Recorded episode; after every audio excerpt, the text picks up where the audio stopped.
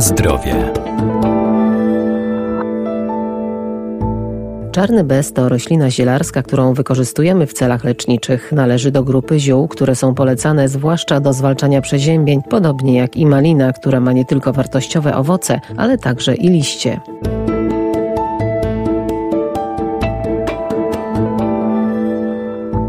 Czarny bez zawiera duże ilości witamin i soli mineralnych, wzmacnia organizm i pomaga uporać się z infekcją. Ma też właściwości oczyszczające z toksyn i reguluje trawienie. Surowcem zielarskim są zarówno kwiaty, jak i owoce. Kiedy przychodzą takie pory roku chłodniejsze, trochę mniej witamin, czasem jakieś przeciągi, niekorzystne zmiany temperatury, jesteśmy bardziej podatni na przeziębienia. No i pierwszym takim gatunkiem, może nawet o szerszym zastosowaniu jest bezczarny. Doktor ogrodnictwa i miłośnik ziół Arkadiusz Iwaniuk. W odróżnieniu od bzu lilaka. Jego kwiatostany może nie są tak bardzo okazałe, są jakby płaskie, to są baldachogroniaste kwiatostany, więc nie wyglądają może tak pięknie jak lilaka, ale są też dosyć duże i już sam kwiatostan jest środkiem, który może być użyty w zielarstwie, bo te kwiaty możemy na przykład zasypać cukrem i stworzyć z nich taki rodzaj jakby konfitury, takiego syropu, który później używamy. Możemy je nawet kulinarnie spożyć obsmażane w cieście, bo są jadalne, a jak mamy trochę więcej cierpliwości, no to możemy poczekać też do owoców. W ogóle bezczarny był kiedyś takim dosyć popularnym owocem. Był często wokół domostw właśnie jako surowiec na konfitury, na dodatki do przecierów owocowych, jako takie zimowe źródło witamin. Teraz jest troszkę mniej popularny w Polsce, bo na przykład w Danii, w Niemczech czy w Szwajcarii jest uprawiany na szeroką skalę jako krzew owocowy. U nas zbierany jest głównie ze stanowisk naturalnych. No i może to dobrze, bo taki owoc jest zwykle dosyć bogaty i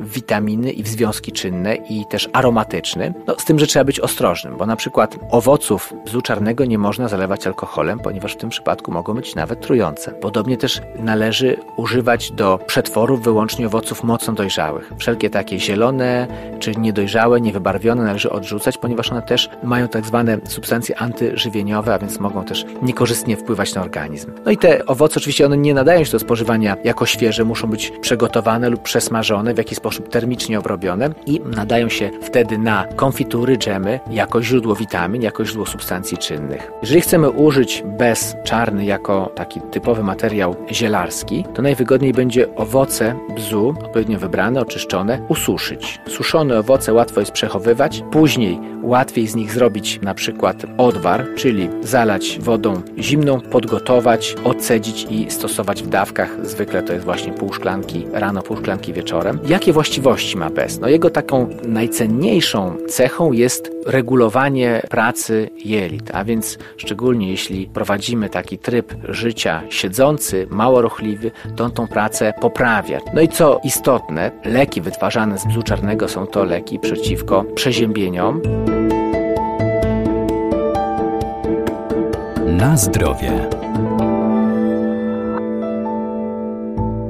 Owoce maliny zawierają dużo witamin i minerałów, takich jak magnez, wapń czy żelazo. Posiadają właściwości antybakteryjne, przeciwbólowe, przeciwgorączkowe i napotne, dlatego pomagają w walce z przeziębieniami. Warto korzystać też z dobroczynnych właściwości pozostałych części tej rośliny. Bardzo sympatyczny krzew o smacznych owocach i znamy go bardziej z owoców. Oczywiście każdy zna malinę. Wszyscy wiemy, że bardzo smaczny jest sok malinowy, że doskonale go można dodać do herbaty, czy sam z wodą wypity jest bardzo smaczny smacznym napojem. Oprócz tego rozgrzewa. To są rzeczy niejako oczywiste i znane, ale też malina ma dodatkowe właściwości, bo nie tylko owoce, w zasadzie cała malina, bo również liście mają działanie takie ziołolecznicze, dostarczają witamin, działają moczopędnie i przeczyszczająco, oczyszczająco na organizm w zasadzie. Natomiast yy, ja mam taki swój ulubiony sposób stosowania maliny na przeziębienia, a mianowicie bardzo dobrym lekiem, skutecznym, ale też i smacznym jest herbata otrzymywana z pędów malin. Nawet w okresie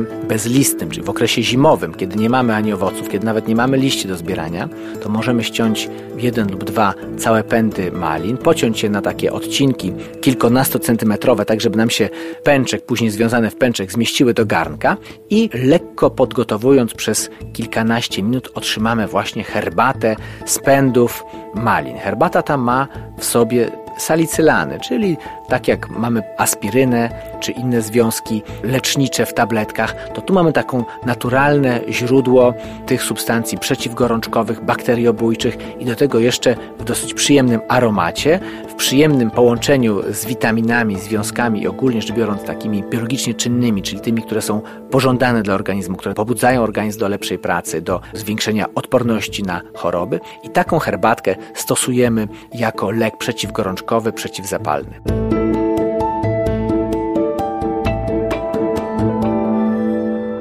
Pamiętajmy jednak, że rośliny zielarskie trzeba stosować z umiarem, zwłaszcza jeżeli są wykorzystywane w celach leczniczych.